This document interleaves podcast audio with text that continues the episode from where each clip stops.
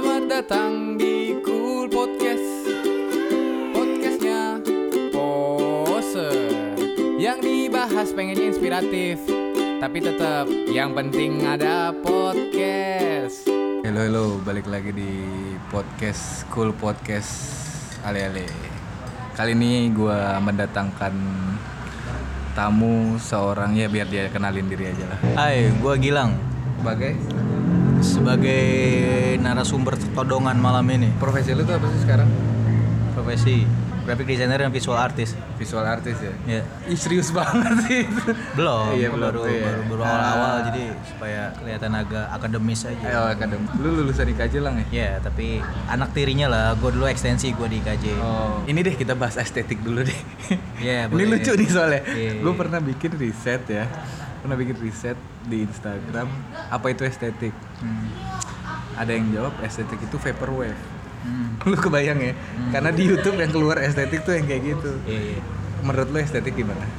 Estetika itu adalah bagaimana eh, lu mengartikan sebagai apa itu estetika. Yang lu paham? Ya itu yang gue paham menurut lu e- Kan este- be- este- sebebas itu Iya, ternyata. iya, estetika menurut lu apa? Menurut gua keindahan Ya udah, itu. Gue Ya lagi nanya lu, Bang. Estetikanya kalau misalkan umumnya ya eh, yang lu dapat dari lu deh. Oke. Ilmu lu itu loh. Sebenarnya gini gue gue gue emang dulu eh, basic gue sebenarnya bukannya pure seni rupa ya. Jadi gue tuh dulu sempet eh, belajar di satu perguruan tinggi ya. Dan itu cuman di, diploma 3 dan itu memang di luar seni rupa.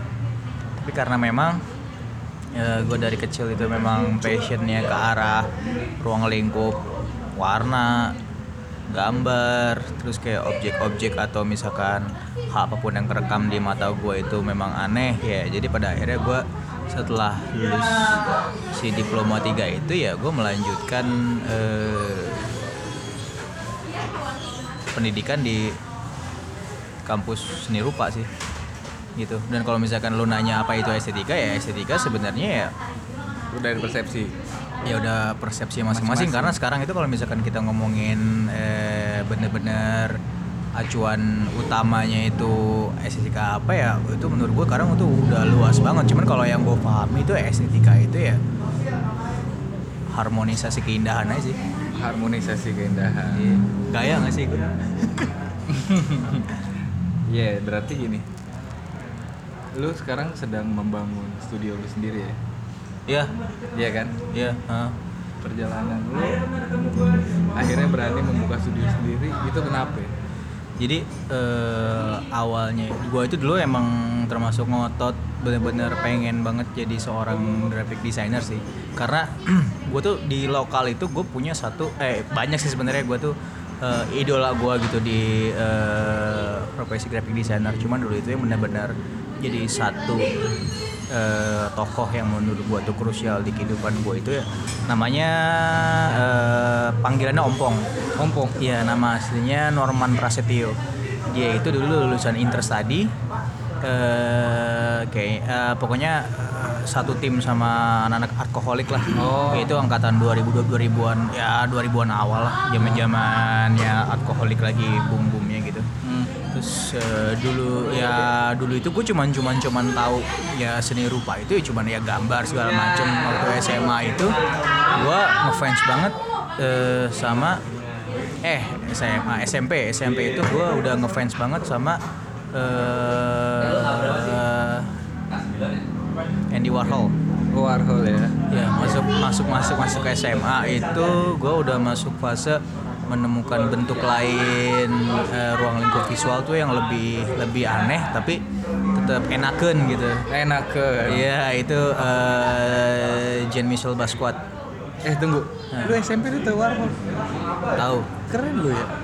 ya awalnya sih gara-gara ini aja sih Lu tahu dari mana? Eh, standar sih cover albumnya Velvet Underground Iya iya. Berarti Iya. memang udah di skena itu udah lama ya. Wah, Alhamdulillah lah ya. ya tahu-tahu dikit lah Habis itu ke Basquiat. habis itu ke Basquiat habis dari Basquiat eh, setelah itu gue nggak tahu kenapa gue ngerasa diri gue itu punya satu ke- kekurangan yang sampai sekarang itu kayak misalkan gue suka lagu atau misalnya gue suka artis siapa gitu gue cuma tahu karyanya yang mana khasnya apa atau misalkan lagu tuh gue cuma tahu lagunya apa tapi gue tuh nggak pernah hafal eh, pelakunya tuh siapa Oh. kayak gitu gitu Nggak dalemin siapa ininya. Iya, seke- ya tahu gitu, tahu aja gitu. Sam- Makanya sampai sampai sekarang pun kalau misalkan ada yang nanya, ada yang nanya "Eh, sekarang tuh artis favorit gue siapa atau misalkan tahu band atau ya misalkan eh, solois atau apa pun itu apa ya gue gue lumayan agak kikuk sih karena gue gue gue gue cuma tahu lagunya gue cuma nikmatin lagunya gitu terus kayaknya eh, nggak harus wajib tahu nama Tahu bandnya juga. juga. sih iya Kayak suara lu agak gede ya. Tolong ya.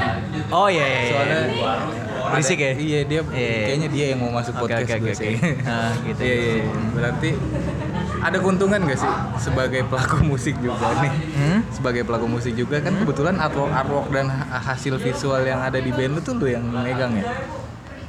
ada beberapa dan hampir sih hampir semuanya Iya lu yang direct lah dengan kurang arahan lu gitu kan. Iya, jadi ya gue kayak punya satu standarisasi sendiri gitu sih. Kayak kalau buat band gue tuh uh, artworknya harus apa, terus kayak feel uh, visual tuh harus harus apa gitu gitu gitu. Iya, perlu ya Perlu sih identitas soalnya. identitas. Iya.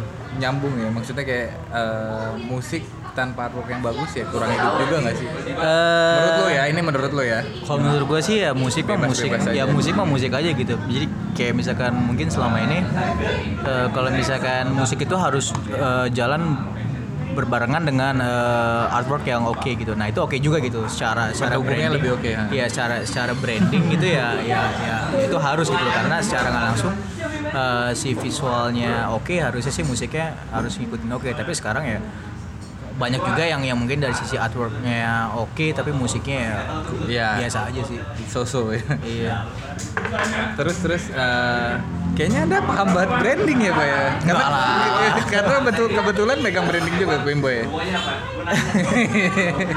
ada lah beberapa lah Iya iya. beberapa ada Lu perjalanan lu sebagai karyawan grafis panjang lah. ya? 8 hampir 9 tahun lah 8 tahun 9 tahun iya. Jadi kayak eh, lu setuju gak sih sebelum lu membangun eh, rumah produksi sendiri, lu harus belajar dulu di luar ya? Ya pada akhirnya sih kalau gue saranin sih untuk beberapa yang mau mulai eh, buka studio desain sih ya memang harusnya sih seperti itu dulu sih karena ternyata buka studio desain itu aspeknya tuh banyak banget gitu loh Iya iya. Jadi Bukan lu sekedar. Iya, bukan cuma segi desainnya juga, lu harus bisa merangkap sebagai finance-nya juga. Nah. Lu harus bisa merangkap sebagai kurirnya juga. Lu harus bisa merangkap sebagai eh, creative director-nya juga. Lu juga harus bisa merangkap sebagai eh, sekretaris juga. Lu harus bisa merangkap sebagai Lu harus jadi Naruto lah intinya ya. ya kayak kayak gitu-gitu sih. Belah badan. Ya, mungkin eh, nggak ada salah juga kalau misalkan mau langsung ada yang mau langsung terjun ke buka eh, studio desain sendiri ya nggak apa-apa juga. Cuman alangkah baiknya eh, kalau semisal lu mungkin ya setahun lah paling lama coba ada di industri atau misalkan ada di eh, studio desain yang memang udah ada udah lama gitu, yang yang yang udah. Jadi seenggaknya lu paham gitu. eh, Workflow-nya bagaimana ya, nih ketika ketemu medan perangnya seperti apa sih kayak gitu-gitu sih. Oh. Terus terus eh, kok jadi serius nih lang lu biasanya bercanda juga. Gak apa-apa, bro. Oh iya lu sedang memperbaiki image juga ya? Enggak juga. Iya iya. Lu mau jadi pembicara kapan udah ya? Apa pembicara udah kemarin? Udah ya? Ah. Terus terus anjir gue bingung gue kalau udah kenal malah jadi kaku gini nih. Apa ya yang dibahas ya? Yang pengen gue kulik dari lu eh Oh iya ini, gue ada pertanyaan. Kan banyak orang, gue pernah sering nanya kayak lu ya. Eh, mendingan jadi spesialis atau jadi yang bisa semuanya? Untuk Indonesia lu harus jadi dokter umum. Dokter umum ya? Ya, Indonesia ya. Iya. Tapi kalau udah lu mainnya pasar luar ya lu mendingan jadi spesialis sekalian. Oh tapi dengan konsekuensi pasar lu lu jaganya keluar gitu kalau lu mau jadi spesialis. Iya, iya kayak gitu. Karena kalau udah kita ngomongin industri eh, desain di Indonesia itu sekarang Seperti yang lu jabarin tadi. gitu Iya, ya. maksudnya eh, mungkin dulu itu kayak misalkan seorang graphic designer itu ya memang lulusan bener-bener eh, fakultas seni rupa atau fakultas desain gitu ya. Tapi kalau sekarang ya udah udah banyak SMK yang memang udah banyak udah Langsung ke spesial. Iya, udah menguasai tools-tools grafis dan menamakan mereka sebagai graphic designer. Nah, ini ini juga sih yang yang mau gue bahas. Aha. Gue sih agak sedikit sedih sih kalau semisal ada pemahaman si graphic designer itu di Indonesia itu eh, adalah orang yang bisa mengoperasiin Photoshop sih. Sebenarnya ya nggak nggak seperti itu gitu loh. Maksudnya gimana? Ya karena sekarang kan banyak be- beberapa perorangan atau misalkan perusahaan besar mungkin ya yang memang beranggapan kalau graphic designer itu ya ya orang-orang yang bisa yang penting ah, ah dia mah yang penting bisa main Photoshop lah, ah yang penting mah dia bisa main Corel lah.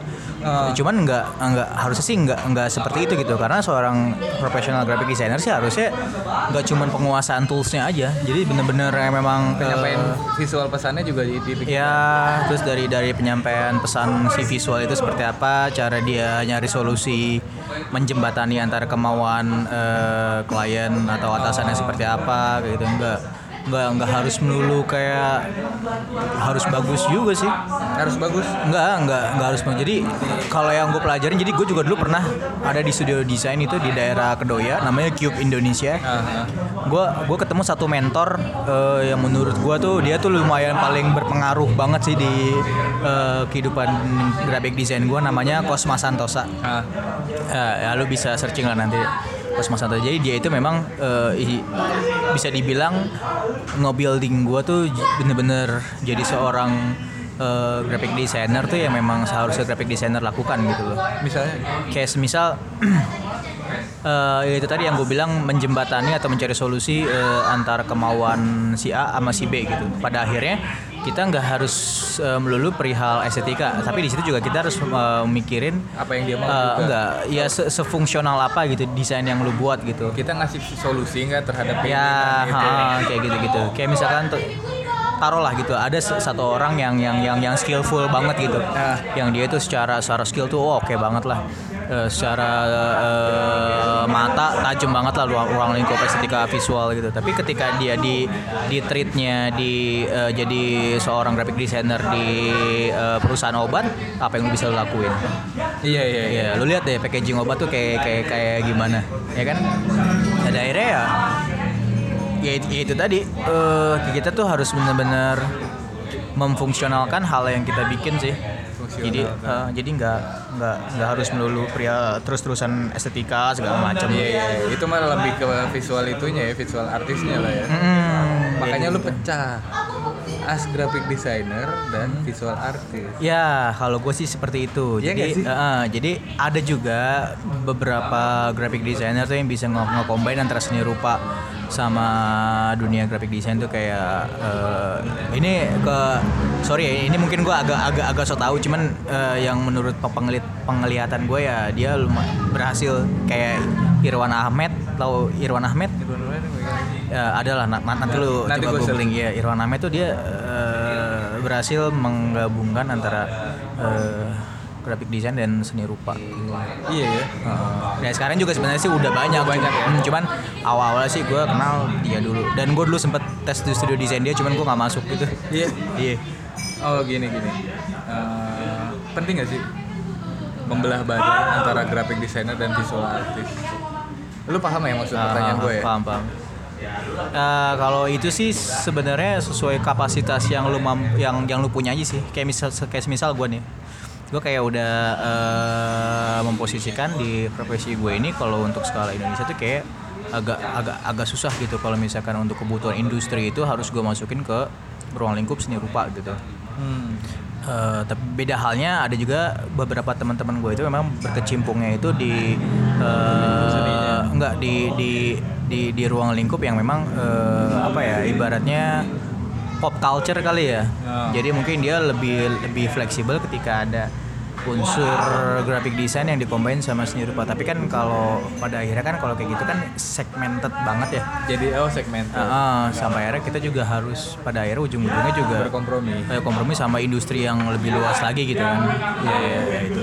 Cuman sekarang sih gue lagi coba eh, ngedirect beberapa klien gue sih kalau nggak harus secara konvensional banget sih secara secara output design sih. Misalnya? Jadi eh, semisal kayak misalkan kayak eh, lagi nge-branding corporate apa gitu. Ya nggak harus melulu secara eh, shape atau misalkan secara bentuk tuh kayak harus corporate banget sih sebenarnya bisa dimainin ke banyak hal aja sih Iya, iya. kayak gitu cuman karena memang udah culture kita kebangunnya itu kalau corporate itu seperti itu ya akhirnya ya kayak gitu gitu Oke dengan kata lain misalnya kita lagi ngebangun branding kopi nih, otomatis kayak stereotipnya harus ada logo kopinya atau kayak gitu-gitu nggak sih? Iya. Yang lo maksud tadi gitu nggak sih? Enggak ya? Ya, yang kayak gitu-gitu. Iya. Soalnya kalau gue itu, gue nggak tahu ya. Ini ini, ini gue lumayan eh, apa ya? Eh, sua- Hmm, jadi kalau gue itu sekarang selalu men- menempatkan segala project gue itu berdasarkan eh, konsep kebalikannya gitu. Kalau semisalkan mungkin konsepnya eh mungkin beberapa orang membuat beberapa artwork itu ya memang eh, secara culture itu A terus kalau gue sekarang kayak gue balikin gitu kayak gue tuh bikinnya eh, feel-nya B gitu. Jadi kayak harus satu derajat kayak gue agak bedain karena kalau nggak dimulai seperti itu ya kaku aja terus gitu. Emang harus dimulai sesuatu hal yang dinamis aja sih. Oke. ini gue ngomong kelaguan gak sih Gue gue malah gak suka sama orang yang kalau nggak berani ngeluarin pendapatnya sih. Media gue di sini adalah lu jadi diri lu aja nggak usah image image sih sebenarnya. Justru semua orang harus berhak berbicara menurut pandangannya sih. Walaupun memang pasti banyak yang nggak suka ya, don't care sih gue. Nah sekarang juga gue sih amat sangat lucu gitu kalau misalkan ngelihat ada beberapa lulusan seni rupa atau universitas desain tuh yang sok seni banget gitu. Misalnya, Misalkan kita kayak secara apa ya, secara pola pikir atau apa gitu, cuman pada misalnya, akhirnya- misalnya. coba. misalnya apa ya kayak dia seorang graphic designer gitu Iya. tapi dia tapi dia kayak apa ya menempatkan pola pikir itu kayak udah seniman kayak apaan tahu gitu Oh iya. gue ya kalau misalnya kalau misalkan ya seharusnya kalau misalkan dia lebih eh, wise ya nggak harus semua dipukul rata yang kayak gitu juga kali ya emang kita lu pengen banget dilihat orang sebagai lulusan seni rupa banget gitu juga kan nggak? Oh iya. biasa aja lah Iya iya iya. Eh, lu mau ketemu orang dulu ya? enggak enggak Oh enggak. Maksudnya biasa aja jadi manusia biasa aja lagi. Iya maksudnya ya itu ka- kalau gue ya maksudnya Iya, kalau iya, gue itu gue amat sangat enggan buat yang kayak soal artsy atau gimana gitu. gue masih gak ngerti ya, definisi arsi sih kalau gue. Artsy itu kalau misalkan eh, lebih detailnya artsy itu apa gue juga sebenarnya Itu bahasa sarkas ya? Kurang gimana tahu gue. Tapi arts itu ya tampilan lu tuh udah kayak seniman banget pola pikir lu diajak ngomong makin gak nyambung kayak gitu ya. Ya gitu gak sih? Gue nih salah. Nah sebisa mungkin kita meluruskan aja nih lah kalau bisa. Ya gak sih? Artsy itu kayak eh kita punya feed Instagram gitu. nah Ya kayak feel looknya itu tuh kayak nggak boleh ada uploadan yang cacat banget gitu, yang harus semuanya tuh kayak itu uh, Setema feel- art-art Iya, feel sama taste-nya tuh eh, komunikasi dia desain komunikasi visual aja gitu. Maksud gue, ya itu nggak apa-apa juga sih pilihan juga cuman ya boring sih. boring ya Ya tapi nggak iya enggak itu kan menurut lo Iya nggak nggak harus menyalahkan mereka juga gitu. Sini aja nggak apa-apa. Nggak apa-apa nggak apa di sini. Nggak apa yakin. Aman aman. Ya siap. Nah, kayak gitu berarti kayak kayak feed Instagram gue yang boring lah ya Enggak juga. Lu sering kok masuk masukin foto yang humanis lu gitu. humanis gue Ya tergantung konsepnya dia juga kan. Jadi kan ada ada ada juga yang punya satu fit dicampur semuanya. Ada juga yang punya satu fit eh, memang khusus ininya karyanya dia gitu. Ya nggak nggak salah juga sih. Cuman Ya, ini kan kita bersharing pendapat aja Iya, karena pada akhirnya juga nggak bisa dipungkiri kalau eh, ki- ruang grup kayak gitu pasti ada yang nyinyir ya termasuk yang mungkin gue dan gue gue ya gue juga nggak menutup kemungkinan kalau mungkin banyak yang nyinyir sama gue ya ya, ya Itu konsekuensi lah ya. aja, iya. apalagi ya anjing kalau jawabnya singkat cepet-cepet gitu ya apa ya lu males ya masuk podcast gue Enggak. Mas Joko boring enggak enggak lang ini dong lang kasih pencerahan dong Apa? Pencerahan tentang apa nih? pencerahan tentang eh, pencerahan gua kayak kayak tadi sih memecah gua kan kayak pertanyaan eh, as the graphic designer harus memecah idealisnya agar tidak mengganggu pekerjaan itu kayak bikin idealis begitu lah ya Hmm, Iya nggak sih, iya nggak sih. Hmm. Nah, eh, caranya untuk bisa, ya semua orang pengen diakuin lah ya. Hmm. Semua orang pengen diakuin, terus apalagi sih selain pameran, eh, maksudnya apalagi sih kalau bukan pameran gitu kan, iya nggak sih? Hmm. Kalau untuk Sepenting apa sih pameran? pameran itu sepenting eh, jadi sebenarnya pameran itu sekarang medianya itu udah udah nggak harus melulu Di museum, kita masang di art gallery. ya artwork ke galeri atau apa ya sekarang lu lu punya akun Instagram yang eh, isinya karya lu semua juga itu ya udah jadi pameran sih menurut gua Tapi lu eh, merasa ada kehilangan esensi anjir esensi. Apa? Itu esensi ya bahasanya. Esensi pameran yang konvensional dan lebih ke orang merasakan ekspresi apa sih impact dari orang yang lihat karya lu nggak sih? pilihan juga sih sebenarnya kalau gue sih Udah, lu udah kenyang sih pameran. Oh enggak, justru gue pameran tuh ya minim banget gue. Karena ya gue dari dulu itu memang nggak tahu kenapa ya gue nggak suka. eh em, apa ya pameran itu menurut gue ya penting gitu. Ya lu lu justru sekarang gue malah, malah pengen buat pameran gitu. Yang ruang lingkupan naruh karya di galeri gitu. Iya. Eh, karena kenapa? Karena eh ya itu kayaknya jadi menurut gue tuh at least dalam seumur hidup gue tuh gue pernah Ada. tiga tiga kali gitu gue pameran di galeri gitu. Wa- walaupun ya sekarang tuh pameran gak harus melulu kayak harus di eh, display di galeri juga gitu Oh iya, lu sempet bilang ya kayak lu bikin aja di jalan. iya iya nggak harus street art gitu ya. Iya, jadi kalau misalkan lu uh, acuannya pameran tuh harus di galeri, studio galeri gitu ya nggak apa-apa juga. Cuman kenapa kalau misalkan lu belum nemu sampai iya, gitu. kenapa nggak lu bikin sendiri aja? Iya keren juga sih. Iyalah. Kayak ya, se sesimpel itu aja sih. Apa ya? Eh, banyak oh, nggak ya mungkin ada Intinya kan unjuk gigi ya. Ya, itulah. Seperti halnya eh, yang yang udah yang udah, udah lu lakuin itu benar gitu.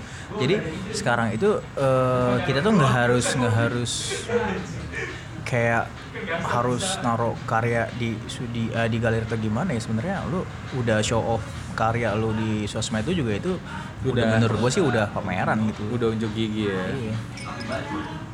Apalagi ya? Apalagi ya? Apalagi ya? Ya kalau misalkan sedikit gue boleh cerita sih Iya. tentang perjalanan gue sebagai graphic designer itu bisa dibilang gue eh, kategori poor graphic designer sih. Pur. Iya. Why?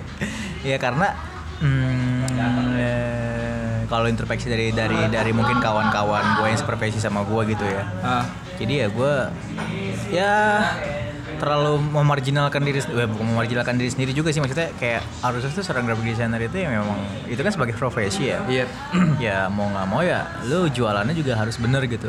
Gue tuh dulu di, di awal-awal itu gue tuh sering banget mungkin sampai 2017 pun gue masih melakukan hal yang sama gitu kayak misalkan gue sering ngasih project ke teman-teman atau ke beberapa orang gitu yang mungkin gratis atau mungkin yang bisa dibilang harganya murah gitu. Cuman karena kalau kalau gue itu mikir gini sih kalau selama lo itu ngerjainnya pakai hati terus sungguh-sungguh ya nanti mereka bakal datang dengan sendirinya dan impactnya itu bukan cuma nominal tapi kepercayaan mereka jauh jauh jauh lebih besar sih. Oh lu gitu. ngebangun trust dulu di awal ya? Iya pada akhirnya sih kayak Trik gitu. itu trik juga kan? Iya. Trusting dulu Ah. karena emang kalau nggak ada trust susah juga dagang, ya gak sih? Iya kayak gitu. Cuman eh kenapa akhirnya gue cabut ngantoran? Iya. Sebenarnya gue dari tahun 2012 itu gue udah paham sih kapasitas diri gue itu ternyata gue nggak bisa kerja kantoran gitu loh. Why?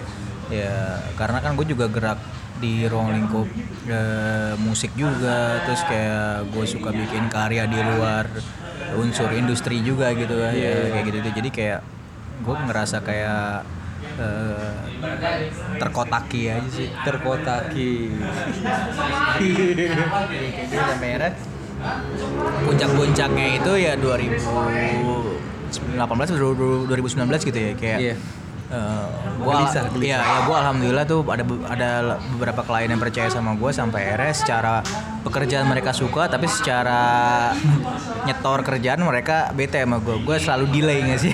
Oh. Karena gue juga kan yang ngantor juga gitu. Udah gitu kan sub skup pekerjaan eh sampingan gue itu kan lumayan ya. Lebih lumayan. ya sama kita secara pemikiran, secara Iya. waktu segala macam jadi kayak ya lu sendiri lah ya. iya gue sendiri gitu.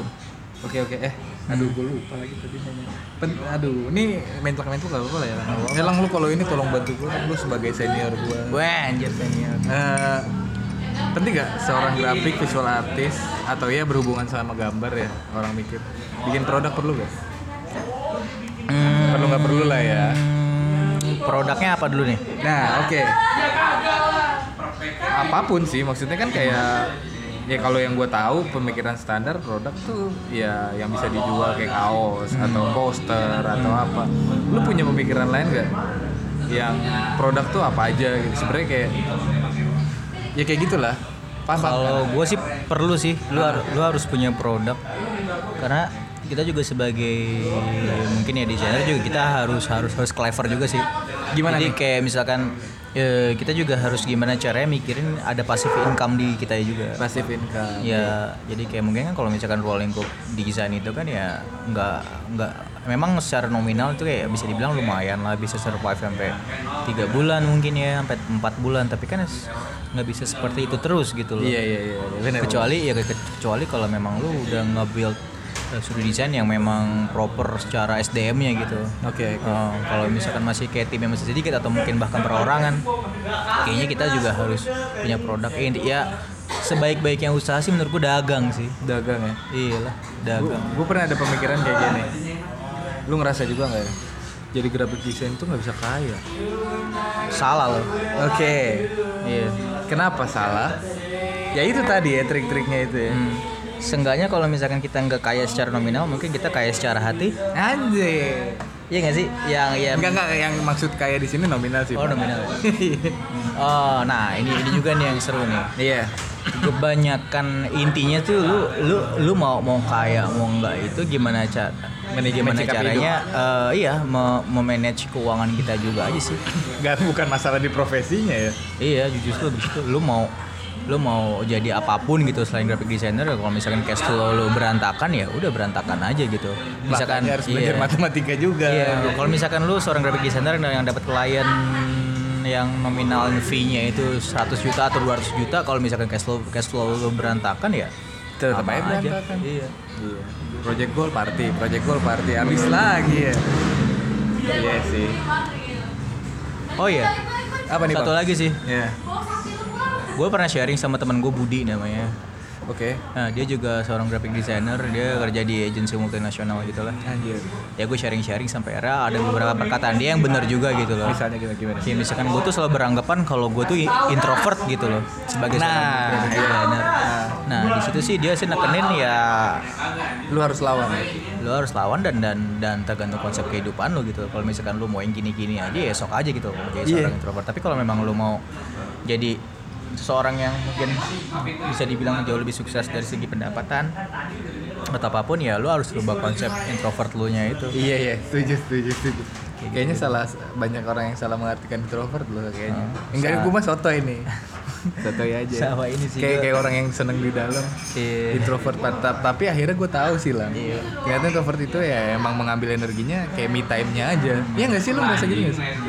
Tolong tolong bantu dong lah.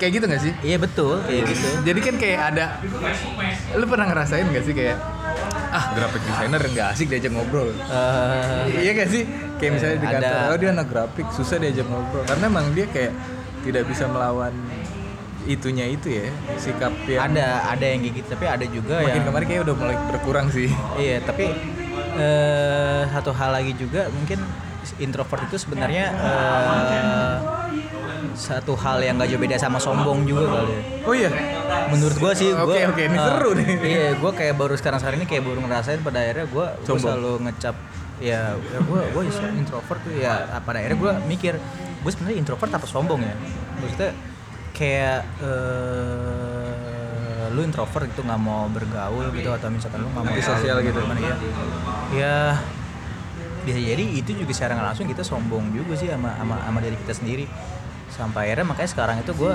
gue sih mencoba untuk jauh lebih bermanfaat sama sekeliling aja sih. Oh Nah, kayak semisal mungkin gue juga planning ke depan tuh gue mau beli beberapa laptop second gitu. Ah.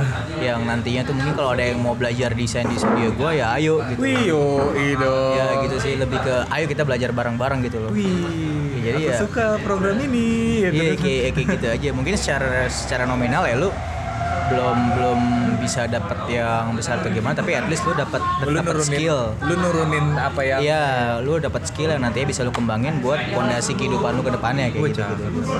berbagi itu perlu juga ya Iyalah. nggak harus materi ilmu juga diturunin perlu ya Iyalah. jadi kalau mau kita ini aja lu kayak buru-buru nih ada jam 10 mau pulang Enggak sih nyantai juga sih. nggak jadi kayak mendingan gini ada lagi nggak ada lagi Hah? Enggak nyantai. Hah? Ah, ada lagi enggak ya? punya anak-anak Gak paling gini eh, biar sengaja kita bikin simple biar kalau mau wah ini Gilang nih mau bagi-bagi ilmu nih sebenarnya. Ada beberapa hati yang pengen nurunin lah kasarnya. Ya nggak sih?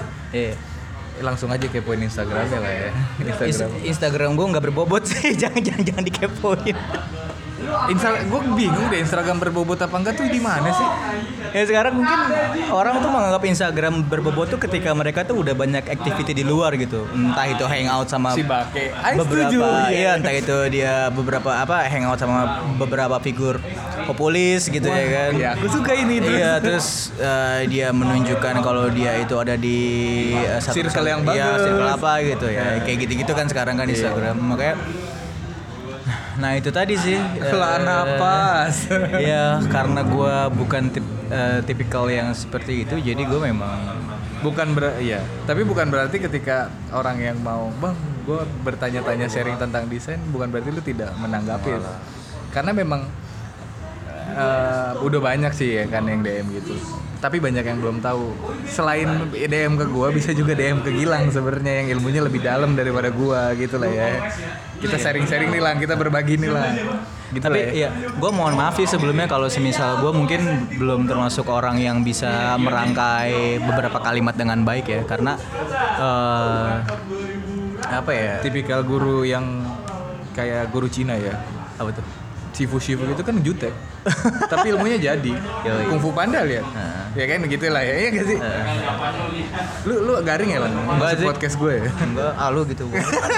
Pokoknya intinya lu apa ya se sebanyak apa pun masalah yang lu dapat gitu ya. Ini di luar yang graphic designer ya, maksudnya di luar profesi tapi pada akhirnya kalau misalkan lu bisa menyikapi masalah yang lu, lu dapat itu terus lu bisa aplikasiin ke hal yang jauh lebih tenang dan jauh lebih apa ya intinya lu alirkan aja ya Ah, Kayak lu positif gitu Iya, lu jadiin bekal buat ke depannya juga aja sih. Kayak misalkan eh, mungkin ada beberapa graphic designer atau misalkan beberapa gitu yang punya kesulitan perihal equipment yang mereka punya, Ah. gitu. Terus kayak misalkan mereka punya kesulitan tentang circle yang mereka punya. Kalau misalkan mereka lebih pintar untuk eh, nyerap terus mengaplikasikan ke hal yang jauh lebih baik sih, itu pasti bentuknya nanti ke depannya sih jauh lebih oke banget sih impactnya. iya masalah tools gampang lah ya Iya. kalau lu belum ada komputer kan masih ada kertas sama pulpen kayak gitu-gitu ya Nah. mulai dari situ jangan ada alasan ah gue nggak punya komputer canggih gitu lu ngeledek gue lu ya anjing Kagak lah. iya nggak Eh gue dulu pernah tahun 2012 itu gue dapet kerjaan bikin bikin bikin komik. Oh iya? bikin komik gitu. Itu gue nggak punya laptop, nggak punya apa-apa gitu kan Ya. si CPU gue rusak. Sampai akhirnya gue bela-belain begadang di rumah temen gue. apa begadang Begadang sih, iya buat ngerjain tuh kerjaan gitu. Nah maksud gue tuh jangan apa ya, jangan terlalu Terpaku sama itu. Iya, jangan terlalu ter- terpaku sama alat ya apa keterbatasan alat yang lu punya gitu maksudnya. Eh, kalau misalkan lu kreatif, lu jo- eh, ya lu sebenarnya bisa menggunakan hal apa pun gitu sih. Ya, itu konsep kreatifnya iya, sebenarnya. Iya, ah, buat buat buat berkaya. iya lang kepotong ya sama gue ya enggak kan Hmm. jadi di- sebenarnya kreatif itu apa pun yang ada di depan lu lu jadiin ya Iya sama ini sih jangan jangan jangan terlalu banyak mikir kayak gue. kayak misal gue punya banyak konsep gitu. Sampai akhirnya konsepnya udah kesalip sama orang duluan gitu. Iya iya Iya, itu kan kan- juga kayak ngerasa ini Iya, iya, bete kan cuman ya itu konsekuensi ya. Lu juga kelamaan. Kenapa nggak ngelakuin? Iya, jadi selama lu lu dapat apa langsung Jadiin buru-buru ya buru-buru lu, lu, lu aplikasiin aja. main cepet-cepetan lagi kalau sekarang ya Hmm. Kayak sesimpel ini juga nih, kebanyakan nih gue juga ada beberapa kawan gue itu yang yang yang apa minder masalah gambar gitu kan. Kalau misalkan gambar apa, gambar apa gitu. Iya. Kayak gue tuh dulu juga belajar di temen gue juga namanya Dirga Adiatna. Dia itu eh, seorang eh, street artist sih di eh, FAB Bandung. Nama nickname-nya kalau dia skit.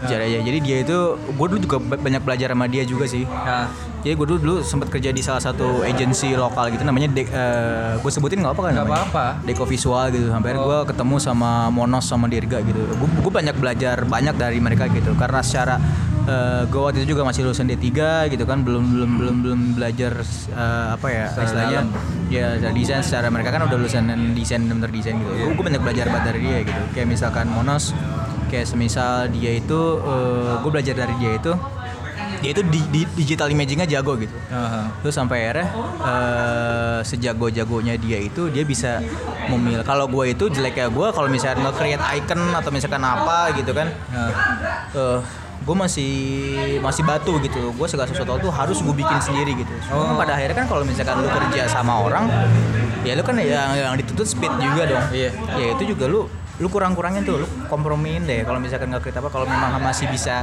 download atau misalkan nge-tracing kenapa Oh, enggak gitu. iya, iya, Yang penting iya. kerjaan lu ke Uber itu secara time management gue belajar dari teman gue itu si Monos gitu. Kalau dari si Dirga gue belajarnya kayak itu Hendro jago banget buset. Dia salah satu sensei gue juga tuh. Halo gak? Iya. dia itu nggak ada hal yang dia ajarin ke gue dari sisi eh, literatur yang bener gambar tuh kayak gimana, tapi dia dia cuma bi- bilang sama gue Ya lu mah kalau gambar mah gambar aja udah ngapain lu mikirin harus gimana harus gimana. Oh. Oh iya juga ya. Jadi sampai akhirnya makanya gue kayak misalkan kalau misalkan gambar gue nggak nggak pernah medulin anatomi tubuh atau Oke, anatomi oke, apa pun oke. yang gue gambar jadi gue mau gambar gambar Akhirnya aja karakternya Iya, ya? yang penting selesai gambarnya dijadikan sampai saat ya selesai gitu juga Tapi dari sini kesimpulan gue bilang gini ya. Gue tarik-tarik dari beberapa nama yang lu sebut-sebut. Sharing itu perlu ya. perlu banget Sesama kayak tanya aja kayak gitu-gitu. Lu Ah. kepikiran pengen bikin kumpulan kekumpulan kayak gitu gak sih lu? Kalau kumpulan sih pengen cuman kayaknya untuk kalau untuk De- ya. Depok gue nggak tahu ya Depok itu orang-orangnya udah pada jago semua oke.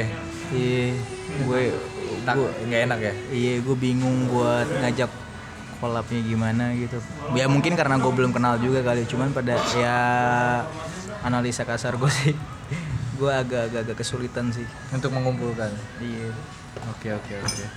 Gitu-gitu Ya udah lah. Eh di sini segini dulu. Karena nanti mau gue bikin lagi versi Axie lo. lu lagi lu lagi. Ya boleh boleh boleh Oke lah ya. boleh ya Ini cukup ya emang berantakan. iya berantakan kan Podcast gue emang enggak, podcast gue emang se- sesantai ini karena gue prinsipnya adalah ya bikin aja dulu. Standar-standarnya nanti akan kebentuk lagi. Iya nggak sih? ya pokoknya kalau misalkan Ada pesan ya, coba. Iya, pesan kalau misalkan ada yang ada yang dengar gitu tentang podcastnya dari Coolnya Adit ini ya, kalau berharap mendapatkan sesuatu dari gue ya, lu kayaknya mesti denger sampai tujuh kali denger deh kayak. lu selalu minder. Apa ya kayak eh ya kalau dibilang annoying nggak tau mungkin annoying kali ya, cuman eh apa ya? Lu, Ya, lu paham gak sih? Gue tuh percaya setiap manusia itu eh, punya power yang harusnya Oh, iyalah. disampaikan ke orang. Iya. Mau annoying mau kayak gimana pasti nyangkut di beberapa orang. Iya, Gue patahkan lo mampus. Enggak soalnya ya itu gue percaya semua orang itu punya peran dan pesan yang harus disampaikan sih. Oh ya satu hal lagi sih sebenarnya eh, Depok itu Keren. banyak banget talenta oke gitu kayak ya yang wawancarin gue ini Adit dia talentanya oke dan ada beberapa teman-teman gue juga yang talentanya oke cuman gue nggak tahu kenapa Susah banget. mereka terlalu amat sangat malu untuk memulai atau bahkan benar-benar eh, centil Iya. Centil ya intinya. Tetap tampil dan centil ya. iya gitu sih Itu ya. Heeh. Pesan ke adik-adik ada yang mau jadi graphic designer atau mau jadi visual artist. kalau Mungkin lu mau nurunin.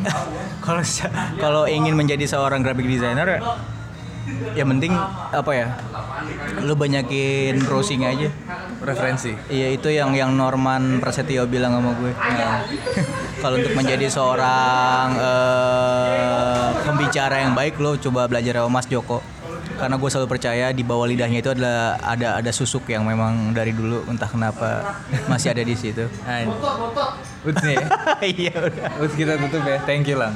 Iya. Terima kasih. Gilang Topan Firdaus Joy Boy. thank you datang di Cool Podcast. Podcastnya Pose. Yang dibahas pengennya inspiratif Tapi tetap yang penting ada podcast.